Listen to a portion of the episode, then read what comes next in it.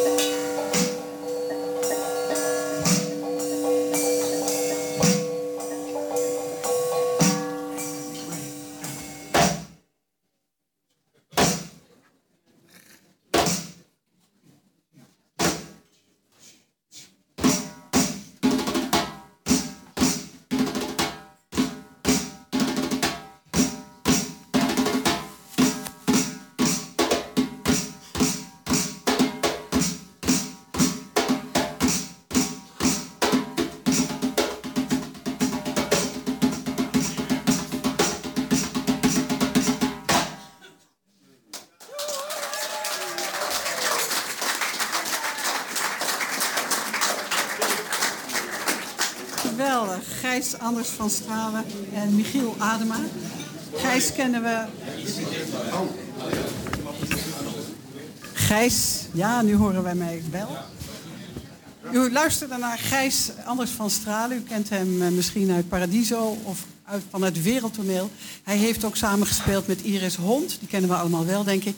En hij speelt elke week met Michiel Adema.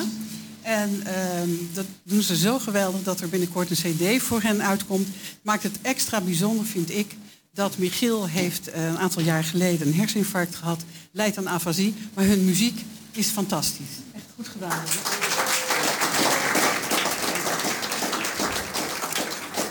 Nou, welkom. Uh, mijn naam is Ineke Hilhorst. Welkom bij de feestelijke onthulling van het Monument voor Verdraagzaamheid. Mede namens mijn uh, compaan Timo Smit. Wij hebben dat samen een beetje in gang gezet hier in Laren. En uh, we hebben een mooi programma voor jullie. het gonst hier al de hele dag van verdraagzaamheid. Erik Huring heeft een, met allemaal inwoners van Laren echt een heel mooi programma gemaakt over verdraagzaamheid. Dat kunt u terugluisteren op Spotify. En ik sta al de hele dag te praten en ik heb ontzettende dorst. Hmm.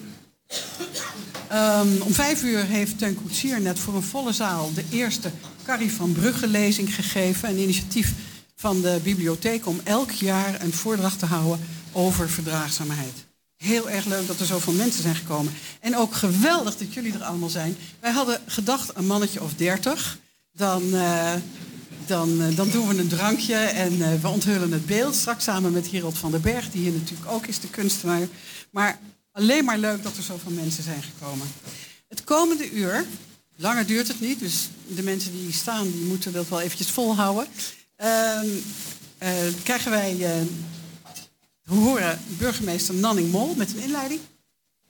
Een voordracht van cabaretkenner Kik van der Veer. U kent hem wel van uh, Andermans Veer op zondagochtend, denk ik. Wim Jordaan gaat in gesprek met Aaltje van Zweden. Hoef ik verder ook niks aan toe te voegen op dit moment. En na de officiële onthulling, symbolische onthulling natuurlijk, hier in het uh, Brinkhuis, uh, geeft Ad Visser een live performance. Uh, hij is er nog niet, maar hij is hier al wel geweest. Het is geen man met zitvlees, hij komt zo terug.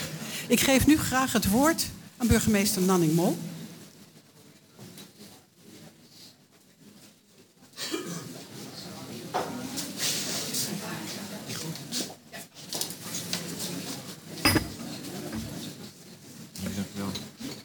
Goedenavond, of goedemiddag nog, toch? Mag, het mag. Goedenavond. Wat is dit een fantastisch gezicht. Zo'n vol Brinkhuis met zoveel betrokken dorpsgenoten. Als iemand aan mij vraagt waarom ik burgemeester van Laren ben... zou ik eigenlijk een foto moeten maken nu en dat laten zien. Want u ziet er fantastisch uit. Het is geweldig dat u hier samen bent. Applaus voor uzelf. Mag het even.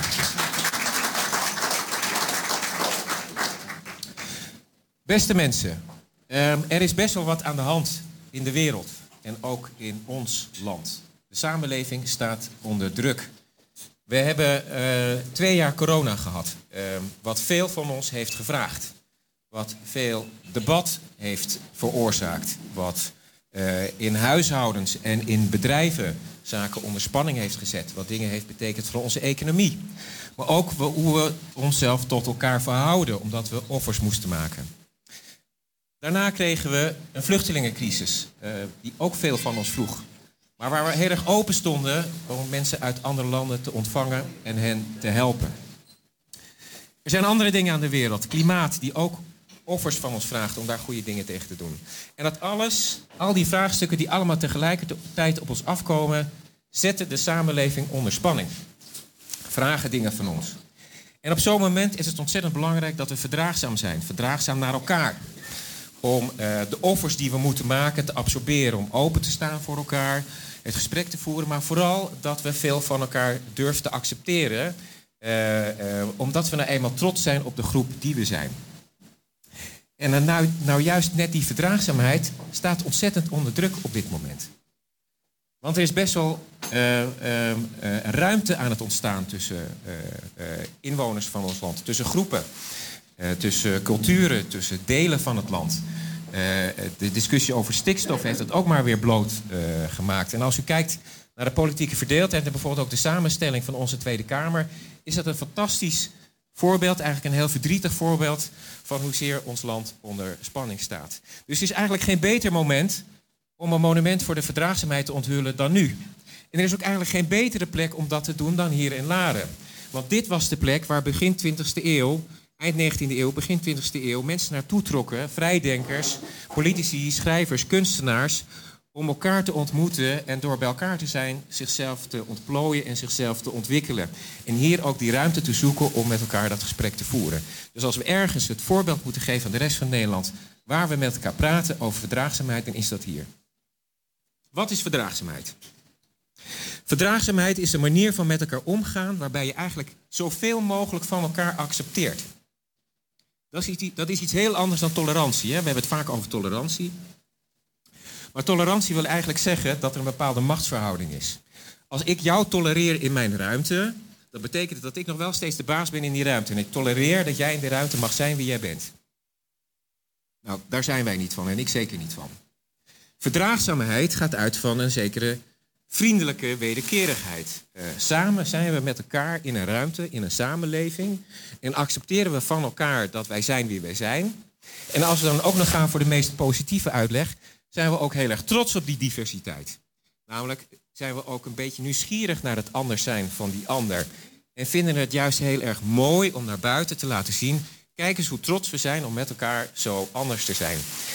En laat ik dat nou het allermooiste vinden aan het beeld wat door Herald van den Berg is gemaakt en waar wij zometeen de maquette van gaan onthullen.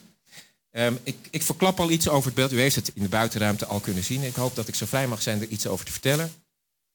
Het zijn drie figuren die heel tevreden zijn. Maar vooral heel tevreden zijn met elkaar. Ze, ze, stralen ook een zekere trots en daardoor weerbaarheid uit. Hè. Ze kijken echt trots naar buiten. Kijk ons en zijn wie wij zijn als groep.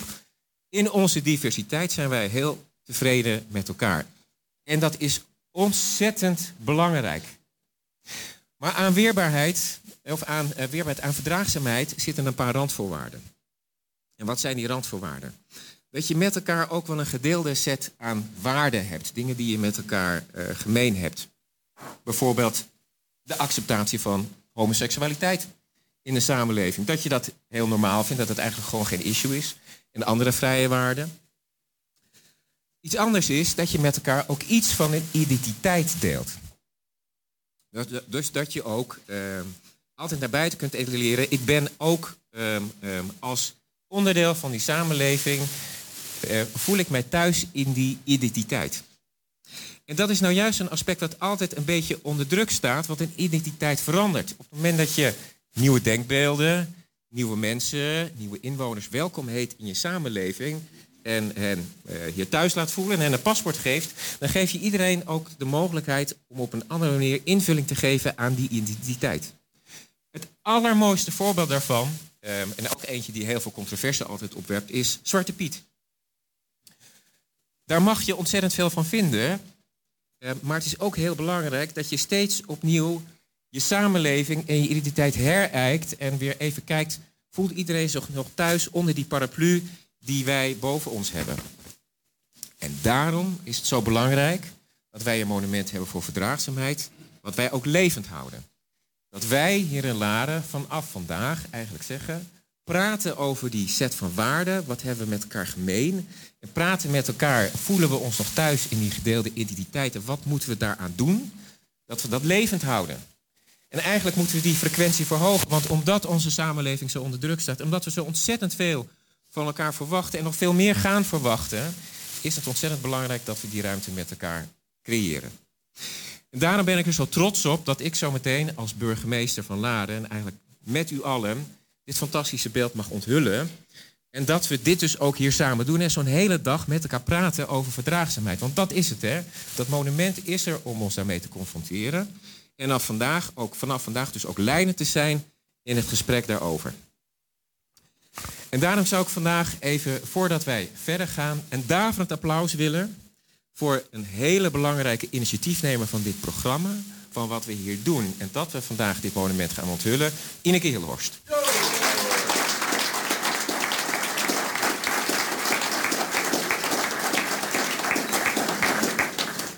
Want Ineke, het is ontzettend belangrijk dat jij dit initiatief hebt genomen.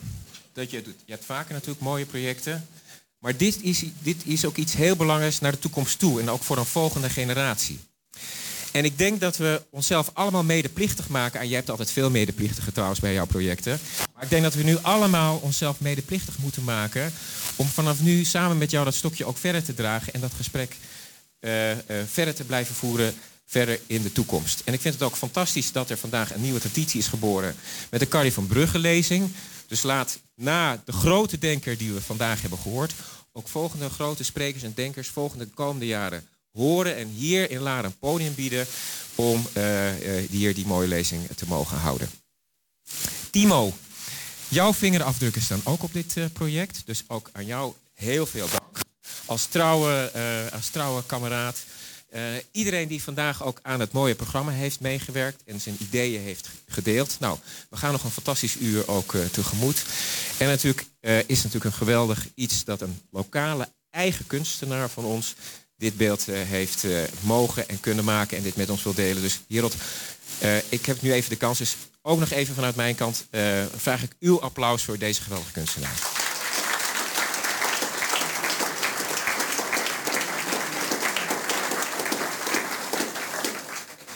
Beste mensen, ik geef de uh, microfoon terug aan onze lokale nationale ceremoniemeester van elke dag, Ineke. En ik ga uh, genieten van alles waar je ons deelgenoot van maakt komend uur. Dankjewel. Dankjewel. Dankjewel, Nanning. Mooi gesproken. Dankjewel voor je mooie woorden. Nanning, echt uh, geweldig. Um, ik wil nog één iemand bedanken. Dat is Hans Gerson. Hij zit hier achter Teun. Uh, nee, achter Frits zit hij. Een beetje ook achter Teun. Uh, Hans is mijn compaan in Amsterdam geweest voor het monument daar. Monument voor Verdraagzaamheid. En het potje geld wat we daar nog over hadden... heeft Hans samen met mij als bestuurder goed gevonden... om dat hier in Laren um, mogelijk te maken. Dus dank je wel.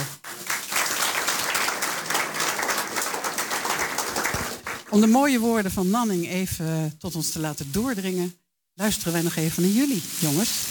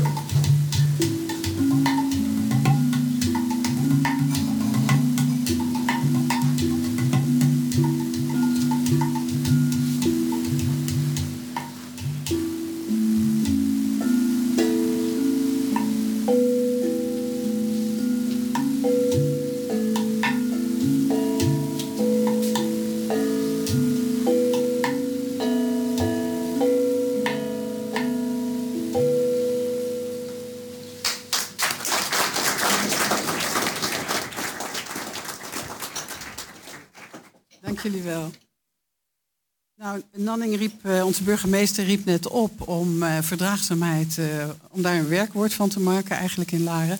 En ik heb nu al gemerkt dat in de aanloop naar deze onthulling, dat er al heel veel mensen met initiatieven komen. Ingrid Peters, die achter Karel staat. Karel kennen we allemaal en Ingrid kennen we nog niet zo goed. Zij is de directeur van het Papageno-huis en die kwam met het voorstel om een tafel voor verdraagzaamheid uh, te gaan initiëren. En dat gaan we doen met elkaar. En wij gaan uh, inwoners van Laren steeds uitnodigen om met hun ideeën en initiatieven te komen om dit monument echt levend te houden. Dus dank je wel, Ingrid. Nou, het monument staat op een hele mooie plek. Uh, de burgemeester heeft het net al even over gehad. Tegenover um, de hertenkampen en naast de historische kring Laren. Dus Heel veel mensen rijden er langs. Maar toen ik bij Larenberg ging praten om te zeggen... Goh, kunnen jullie dat niet opnemen in het curriculum? Toen zeiden ze, het staat voor ons zo ver weg. En want de leerlingen die komen uit Bussum, die komen uit Hilversum... die komen nooit langs het monument. En zij zijn erg verwend met het monument voor de Joodse kinderen. En toen zei ik, nou, ik heb wel een tipje. Jullie kunnen... Sorry hoor. Jullie uh, zouden een uh, maquette kunnen stellen... Uh, en Herold werkte daar natuurlijk meteen aan mee. En die kunnen jullie dan uh, in de school zetten, zodat uh, de leerlingen daar gewoon elke dag mee geconfronteerd kunnen worden. En het mooie is dat dat monument door Herold en, en de schoolleiding en de, en de leerlingen natuurlijk op Paarse Vrijdag wordt um, onthuld in Larenberg en de International School Laren. Dat vind ik echt heel geweldig dat ze dat doen. En Paarse Vrijdag is om aandacht te vragen voor mensen met een andere seksuele geaardheid. Ik kan al die letters niet uit mijn hoofd leren, maar ik weet wel om wie het gaat. Dat is heel belangrijk. En last but not least komt uh, het, uh, de maquette van het uh, monument komt ook in het Rosa Spierhuis te staan. En dan denken jullie misschien, ja, lekker 1 tweetje met de directeur-bestuurder, Herold van Berg. Die wist hier niks van. Er heeft zich een anonieme donateur bij mij gemeld en die zei, ik wil gewoon dat, dat er ook een maquette in het Rosa Spierhuis komt. Nou, we hebben hier veel politici in de zaal en jullie weten allemaal dat dat Rosa Spierhuis best wel ver is uh, neergezet en dat niet iedereen daar gelukkig mee is. Dus we doen alle mogelijke moeite om dat er weer een beetje bij elkaar uh, te krijgen. En uh, er komt dus ook een maquette in het Rosa Spierhuis met een ont onthulling. En wees niet bang dat jullie het missen, want ik zal daar ook weer veel lawaai over gaan maken. Ehm, dus dat is eigenlijk het laatste nieuws. dus burgemeester, u wordt op uw wenken bediend. Hè? En ehm, de volgende spreker is Kik van der Veer. Hij is cabaretkenner. Geweldige cabaretkenner. Hij weet echt alles. Hij weet meer dan Jacques Leuters. Laat Jacques Leuters het niet horen, maar desnoods wil ik dat uh, op papier voor je zetten. Dat is echt ongelooflijk. Jullie kennen hem waarschijnlijk of uit Laren of uh, van zijn programma Andermans Veren op de radio. En Kik die gaat een uh, bijzondere tekst voordragen. En mag ik alvast zeggen, het is Lucas, geschreven door Mark Haajema.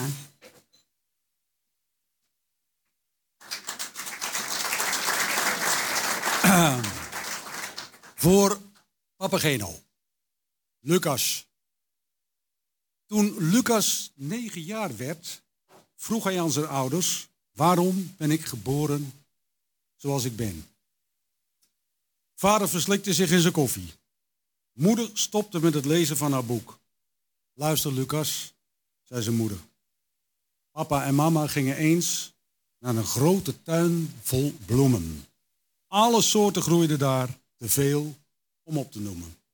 Bloesems van de schoonheid, viooltjes voor de trouw, koninklijke anjers, de roos van ik hou van jou. Plots zagen we een bloempje helemaal achter in de hoek. We zochten op hoe het heette, maar het stond in geen enkel boek. Het groeide tussen de stenen naast een grote houten ton. Zo kreeg het weinig water en zag ook nauwelijks zon. En toen? vroeg Lucas. Weten jullie het wel zeker? vroegen mannen bij de poort. Deze bloem vraagt heel veel aandacht. Het is een kwetsbaar soort. Maar wij wisten het zeker. Deze bloem, die willen wij. We zullen heel goed voor hem zorgen. En Lucas, die bloem, dat ben jij.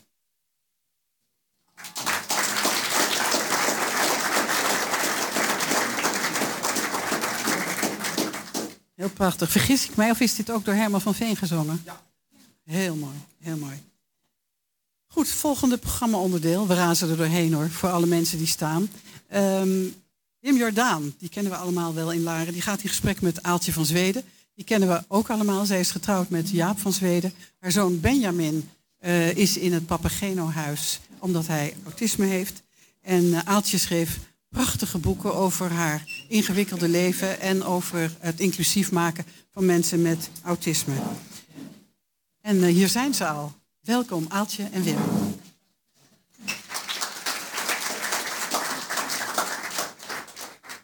Welkom Aaltje. Nou, dank je. Het is inderdaad heel erg vol, zeg. Laren bruist inderdaad. Ik had je keurig willen introduceren voor de paar mensen die jou nog niet kenden. Maar Ineke was, is en blijft altijd een producent. En diezelfde producent heeft gezegd dat wij ongeveer een kwartier, twintig minuten hebben. Goed zo. Daarna gaat ze heel erg... Of, nou, vier minuten voor tijd ga je zwaaien, heb je gezegd. Dus dan moeten we er een eind aan breien. Ja. En ik vind het een uitdaging om in die korte periode... in ieder geval één vraag uh, proberen te beantwoorden. En dat mag, dat mag halverwege, dat mag ook aan het eind. En dat is, is verdraagzaamheid ook te leren. Mm -hmm. uh, uh, de burgemeester heeft al net aangegeven dat we in een hele lastige tijd leven. En hij heeft ook aangegeven dat er ehm, heel veel ehm, omschrijvingen zijn over het begrip verdraagzaamheid. Maar wat betekent verdraagzaamheid voor jou? Dat is meteen een hele grote, lastige vraag. Ja, nou ja, ik begin klein. Ik, ik hang nog even bij het gedicht. Ja. Ja. Want dat heeft me totaal overvallen. En enorm ontroerd. Ik, ik had het niet mooier kunnen verwoorden. Dank je wel. Verdraagzaamheid. Ja, je, ik, ik, denk dan aan samen dragen. Uh, het heeft natuurlijk veel betekenissen. En uh, als ik hier zit tussen u in en ik zie mensen die in het Papageno-huis als vrijwilliger week in, week uit schilderen met jongeren of andere dingen doen, dan, dan is dat voor mij samen dragen. En toen ik ooit de droom had voor een Papageno-huis, een plek voor Benjamin, daar begon het mee. Uh, hoopte ik dat dat uh, uh, bewaarheid zou worden. Dat je een gemeenschap kan vinden van mensen die samen bereid zijn te dragen wat het leven ons geeft. He, iedereen krijgt op zijn eigen manier uitdagingen. Uh, en dat is voor mij, ja, dat stemt me met grote, grote dankbaarheid. En zo zou ik uh, verdraagzaamheid uh, willen omschrijven ja, voor mezelf. Ook de, de, de, permanente hulp aan kwetsbaren in de samenleving ook. Ja, dat is ook een heel groot onderwerp natuurlijk. Hè? En daar maak ik me vaak, en zeker de laatste tijd, zoals de burgemeester ook aangaf, grote zorgen over. Ja, je beschrijft dat in, dat, in het laatste boek van je, Waar ben je thuis? Ergens in het begin Oh, oh. dit gaat bijna fout. daar, daar, beschrijf je, ik weet niet eens of dat nou een, is dat spiritueel of, in, of was dat een intuïtie. Je, je wordt wakker in je nieuwe huis aan de Michelangelo-straat. Ja. En nou, misschien ga je hem zelf inkop en dan vraag je iets af wat, denk ik, de meeste mensen zich niet afvragen. Uh, ja, of het spiritueel is of iets anders, dat, dat weet ik niet. Dat weet ik nog steeds tot op de dag van vandaag niet. Maar er kwam een gedachte bij me binnen. Ik kon bij mijn overburen naar binnen kijken. En ik heb jaren in het gooi gewoond. En u weet een beetje hoe dat is. Dan kan je niet bij je buren naar binnen kijken. Althans, ik niet. Dus dat was voor ons een nieuwe situatie. En de eerste gedachte die bij me binnenkwam... hoe zou het zijn als je in de oorlog in gevaar bent en niemand doet wat? Want ik zag, ik kon bij de buren kijken en zij konden bij mij kijken. Uh, en ik, ik weet echt niet waar die gedachte vandaan kwam. Maar die bleef bij mij en toen ben ik gaan zoeken. En toen ontdekte ik dat uit dat huis uh, een, een, groot gezin is weggevoerd uh, bij een van de razzia's. Uh, dat was natuurlijk voor mij ja, schokkend. Ik kreeg echt kippenvel. Ik denk, kan je zoiets, kan je daar connectie mee maken? Nou, daar krijg ik natuurlijk geen antwoord op, dat weet ik niet. Maar ik kreeg uh, contact met de familie waar dat mee gebeurd was. Die stonden voor de deur. Dus er waren allerlei toevalligheden. Het was net een één domino steentje dat je omduwt en dan vallen er allerlei steentjes om. Uh, en toen dacht ik, ik moet hier iets mee met dit verhaal. Hè, want ik was in contact met de familie in Israël. Ik hoorde hun uh, ja, ja, vreselijke uh, historie ten tijde van de oorlog. Uh, maar ik dacht, maar waar ligt mijn hart? Mijn hart ligt bij kwetsbare kinderen, bij kinderen met een beperking. En waarom weet ik als moeder van een kind met zo'n beperking eigenlijk niet wat er in de Tweede Wereldoorlog is gebeurd? En dat kan natuurlijk aan mij liggen. Ik ben van 1963, maar op school heb ik het niet meegekregen. Dus ik ben gaan zoeken en gaan graven. En tot mijn stomme verbazing kwam ik toen hele verdrietige geschiedenis tegen. En dat is eigenlijk wat ik heb opgetekend in het boek. Er, er bleek in het Apeldoornse bos, wat voor veel mensen wel bekend was, maar voor mij niet. Uh, dat was een grote psychiatrische instelling in Apeldoorn, waar 1200 mensen en 80 kinderen in één nacht zijn weggevoerd naar Auschwitz. En daar direct vermoord. Uh, allerlei uh, ja, parallellen waren er met de huidige tijd. En toen ik het boek af wilde schrijven, kwam corona. En werd ik ook nog eens als moeder van een kind met een beperking behoorlijk geconfronteerd met als een samenleving naar onder druk komt te staan. Wat gebeurt er dan met de kwetsbaren? Dat was waar ik natuurlijk in het verleden mee bezig was. En ook in deze tijd. En je mag het verleden nooit vergelijken met het heden. Maar we hadden het er eerder over. Ik, ik was een idealist, ben ik nog steeds. Maar ik ben wat realistischer geworden. Ik durf nu niet meer te zeggen dat zal nooit meer gebeuren. Zou het zomaar kunnen zijn dat de vraag die bij jou opkwam die ochtend in de Michelangelostraat... Uh, dat die ook ingegeven is door uh, het feit dat je al de permanente zorg ook voor de toekomst had over een, een kind met een beperking. Ja, dat je toch iets anders in de samenleving staat. Ja, dat, dat, is natuurlijk evident. Als je daar dag in dag uit mee te maken hebt. Hoe, en dan verkeren wij in gelukkige omstandigheden. Maar er zijn natuurlijk heel veel ouders die dat niet hebben. En die ook in een coronatijd alle twee thuis moeten werken met een ernstig beperkt kind. Nou, ik geef het je te doen. Dat is een enorme klus. En we weten allemaal, de zorg staat onder druk. Eh, en ik heb altijd gedacht, zo'n oorlogssituatie gebeurt nooit meer. Hè? Dat hele groepen mensen worden weggevoerd. Maar dat gebeurt dus toch. En nu ik dit proces helemaal uh, achter de rug heb, denk ik, waarom drijft me dat nou zo en waarom nou zo'n Papageno-huis? Ik denk, ik geloof heel erg in verbondenheid. Als je mensen ontmoet, als je je hart verpand aan iemand, dan, dan zorg je daar ook voor. En dat vind ik ook het mooie als een Papageno-huis binnenstapt, dat je dat ook voelt. Hè? Dat, dat, dat in, in, in de praktijk zie je dat daar gebeuren. Je weet niet precies of iemand autisme heeft of niet. Dat hoop ik dan altijd maar, hè? De, na verloop van tijd wel. Maar dat je daar samenleeft in een kleine community en dat je daar echt verdraagzaamheid in de praktijk ziet.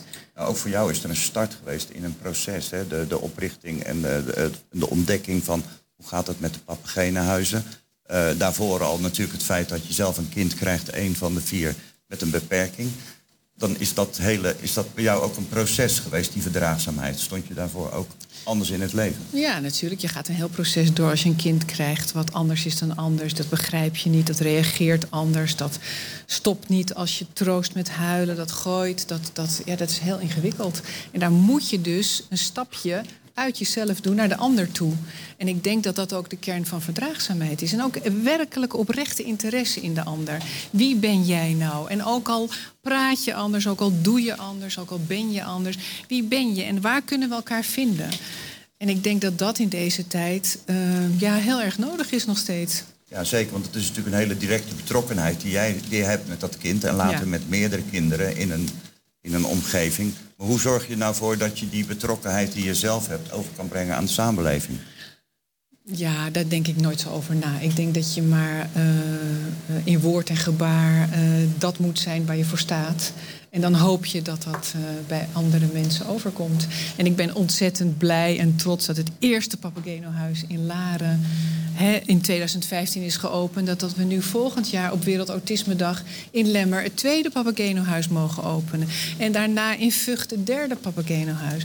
Dat was ook, hè, dit was toen ook ooit een kern van intellectuelen, van kunstenaars, van een nieuwe beweging. Nou ja, in mijn bescheidenheid denk ik dan ook maar een beetje dat het met het Papageno-huis zo is.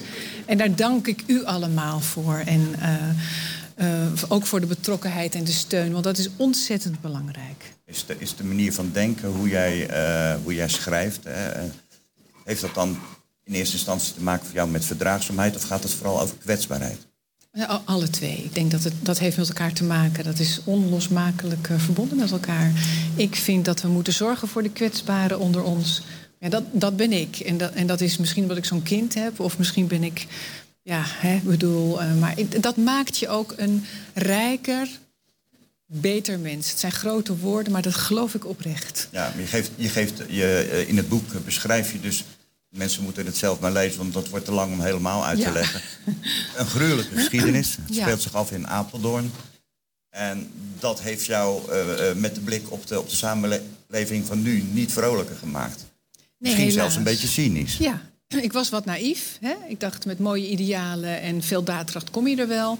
Dat vond ik eh, toen ik daarin dook en de diepte daarvan eh, ehm, zag.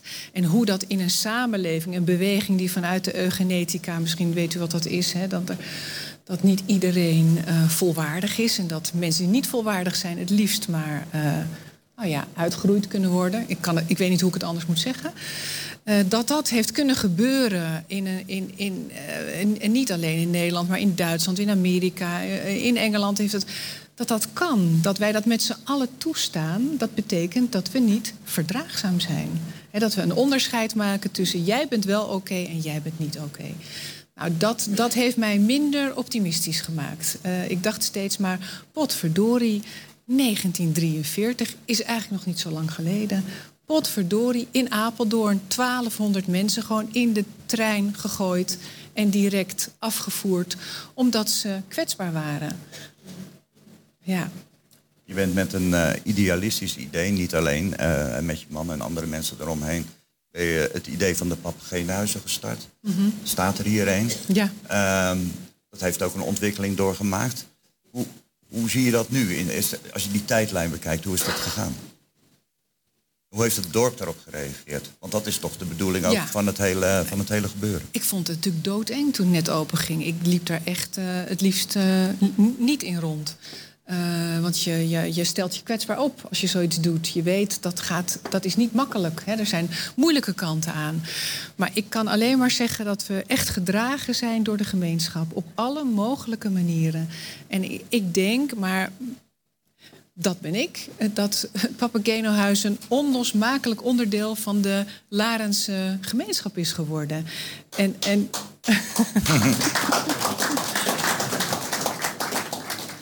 ja, en dan gaat het over verdraagzaamheid en samen dragen. Ja. We kunnen verdraagzaamheid heel groot maken. We kunnen, we kunnen naar de wereldpolitiek kijken. Maar laten we eens naar dit mooie kleine dorpje kijken. Eh, en, en dan in relatie tot Papageno's. Wat kunnen wij er met z'n allen aan doen... dat het allemaal nog een beetje beter wordt? Gewoon?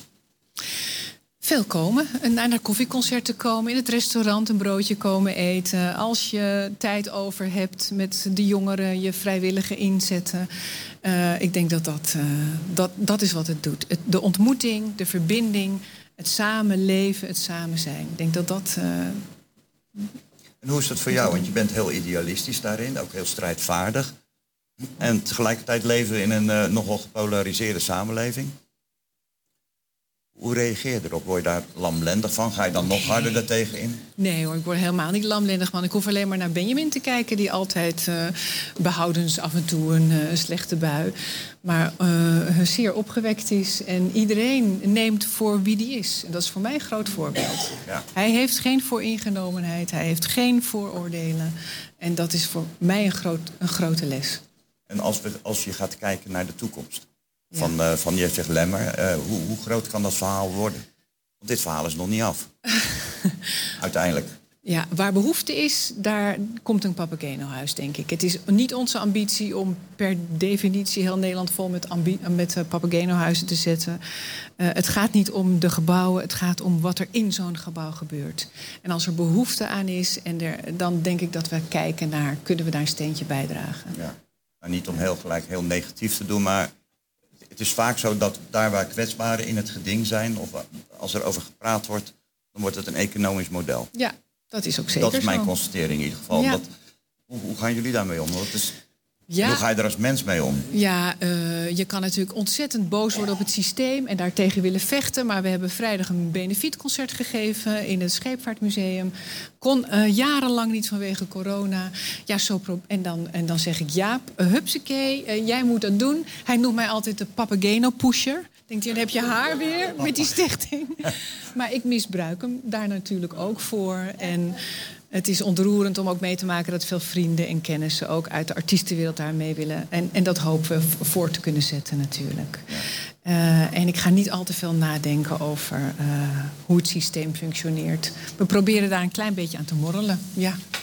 En wat, wat zou een symbolisch eh, betekenis kunnen zijn van zo'n beeld? We hebben nu de dag van de verdraagzaamheid en misschien wordt dat een prachtige traditie in dit dorp. Maar wat zou de symboliek kunnen zijn van zo'n, van zo'n beeld?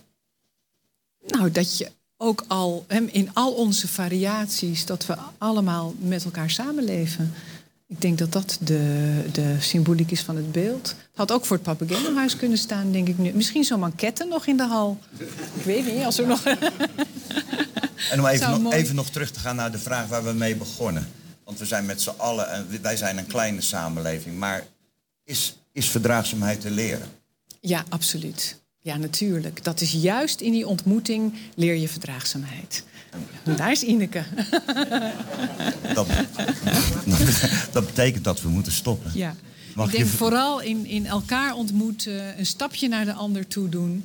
dat dat eh, de kern is van eh, verdraagzaam leren zijn. Ondanks het feit dat je misschien een beetje wantrouwig bent en cynisch geworden over wat je hebt gelezen, optimistisch blijven. Ja, En zeker. gewoon aardig blijven naar elkaar. Ja, Dankjewel. Geweldig,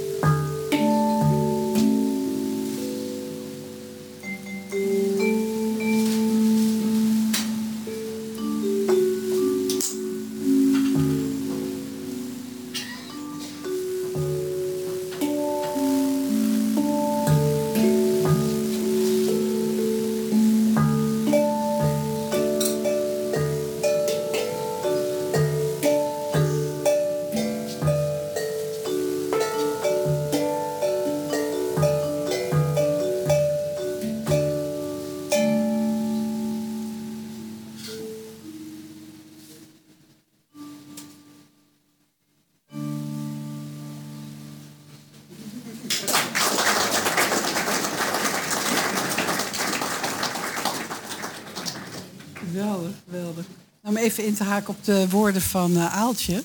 Eh, natuurlijk kan er een maquette komen in het, eh in het Papageno-huis. Wij, de intekeningen zijn open. Wij, wij werken wel mee. En wat ook bijzonder leuk is, is dat het Singer, de webshop, nee, de, de webshop en de Singershop, die gaan mini-monumentjes verkopen. Die worden 21 centimeter hoog. Ze zijn pas in januari te leveren. Maar je kan natuurlijk gewoon een heel leuk envelopje maken met een fotootje ervan. En die dan toch voor Sinterklaas aan je geliefde of met kerstmis aan je geliefde geven. Wij maken daar geen winst op. En, eh, maar het is wel een hele eer ook voor Harold dat hij als kunstenaar zo wordt erkend en gewaardeerd. Dat het Singer, die eigenlijk heel erg streng zijn daarin, dat hij dat eh, nou, een goed idee vonden toen we dat voorstelden. Nou, dan komen we nu eh, voor dat advisser die gelukkig is gearriveerd. Ik heb hem gezien. Die, nou, die werkt zich er straks wel doorheen, want het is een 10 kilometer loper. Dus eh, dat, dat, dat redt hij wel. Voor, en dan komen we nu te, uh, bij het uh, pièce de résistance van, uh, van dit uurtje. Um, wij zijn natuurlijk niet bij het grote monument gaan staan. Want nou, het is nu wel lekker weer, maar het is donker. En dat fietspad is hartstikke druk en die weg is hartstikke druk. En dat wilden we jullie allemaal niet aandoen natuurlijk. Wij dachten, dat doen we natuurlijk in ons brinkhuis. Want dat is zo het hart van uh, geworden. Vandaar dat we het symbolisch doen. En dat nemen jullie ons vast niet kwalijk. Want hier blijven de kroketten, of hoe heet het, de bitterballen warm. En die zouden daar buiten al lang zijn afgekoeld. Uh, ik vraag uh, kunstenaar Harold van den Berg en de burgemeester graag naar voren. Om uh, de symbolische handeling uit te voeren.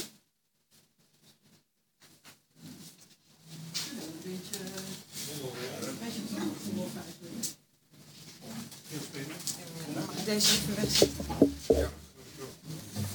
Kunnen we deze, kunnen we deze ook even Ja, dat gingen we doen. Ja, sorry, dat was ik vergeten.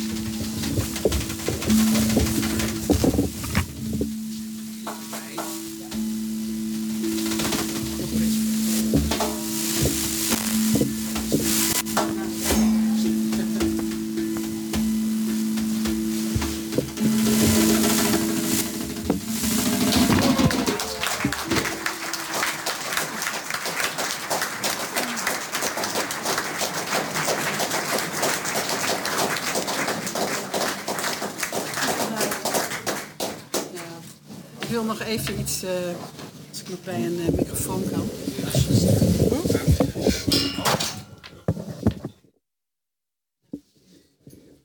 Ja. Ja, ja, ja. Dan Jelle is er weer. Yes.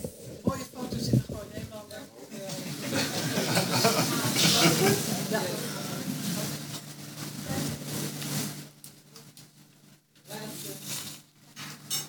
Deze kant. Dankjewel, Daniel. Deze kant. Ja. Ja.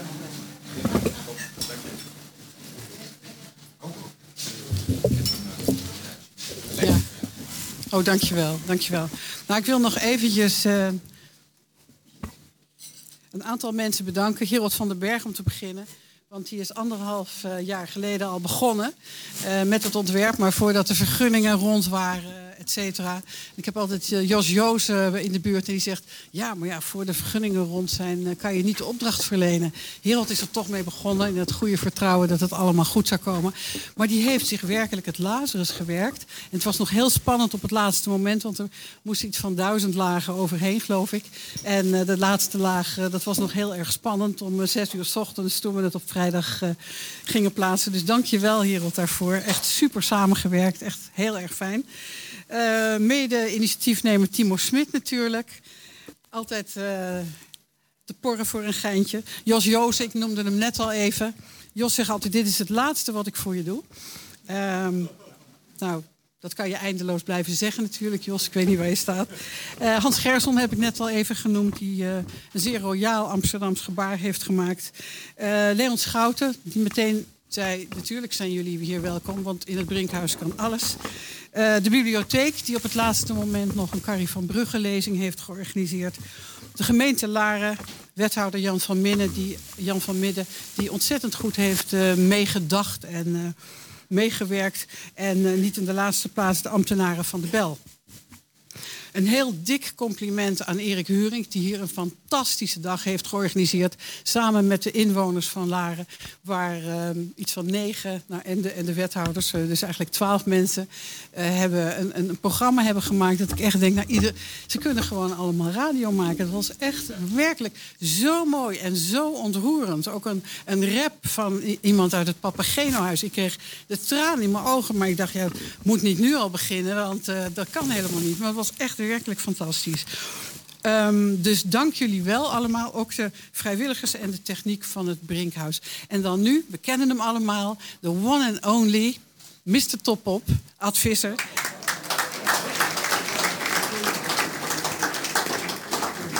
Dit moet even terug. Herold, Herold, even terug. Ja. Jij wilde op die kruk zitten, toch? Ja, ik ga lekker op. We gaan dit even weg. Het leven is improviseren, dat weten we. Dus dat gaan Wilde jij op de kruk of wat wilde jij? Nou,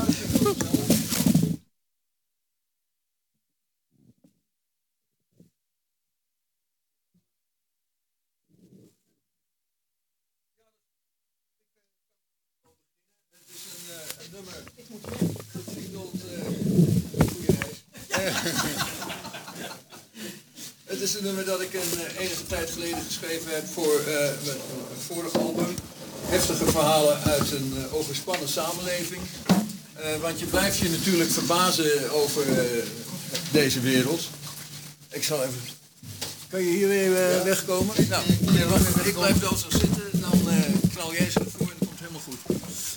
Het nummer heet Drie Vrouwen en dat werd geadopteerd door Stichting Vluchtelingenwerk. En eh, ja, dat is een, eh, een, een interessant avontuur geworden, want daardoor heb ik het ook eh, op de Dam en dergelijke kunnen spelen bij hun acties. En dan gaan we eens even kijken wat we hier kunnen doen. Het is niet versterkt, maar de, de enige versterking die we hebben is dit en daar komen we wel mee. We zien het allemaal wel. Even kijken, ik ga toch nog iets achter. jongens. Hoppa.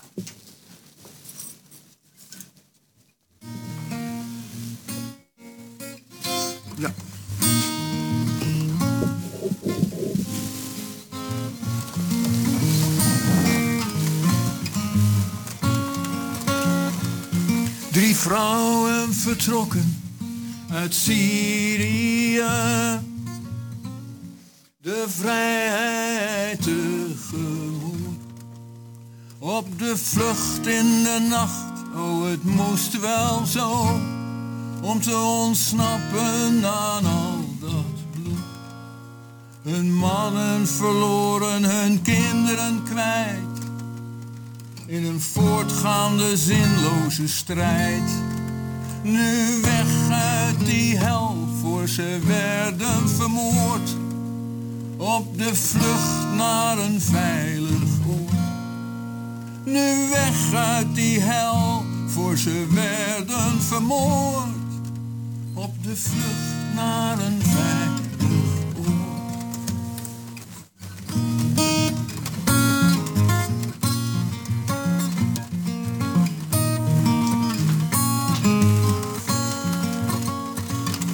Drie vrouwen uit Venlo roepen verbaasd. Zeg Ans, wat maak je me nou? Komt er echt een asielzoekerscentrum hiernaast? In dat leegstaande flatgebouw. De waarde van ons huis daalt radicaal, zegt haar man s'avonds in het journaal. Oh, hij had willen helpen als hij maar kon. Maar de prijs van zijn huis daalt een ton. Ja, hij had willen helpen als hij maar kon. Maar de prijs van zijn huis daalt een ton.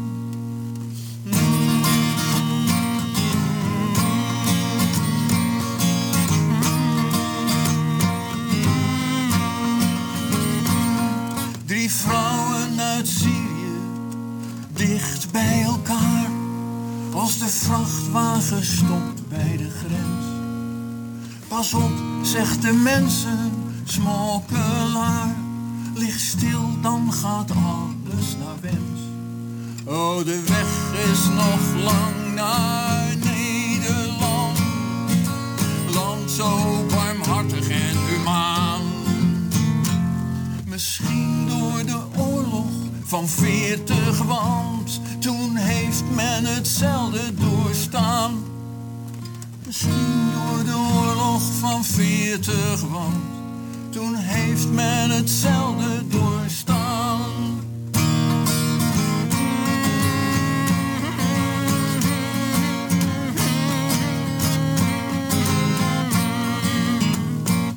Drie vrouwen uit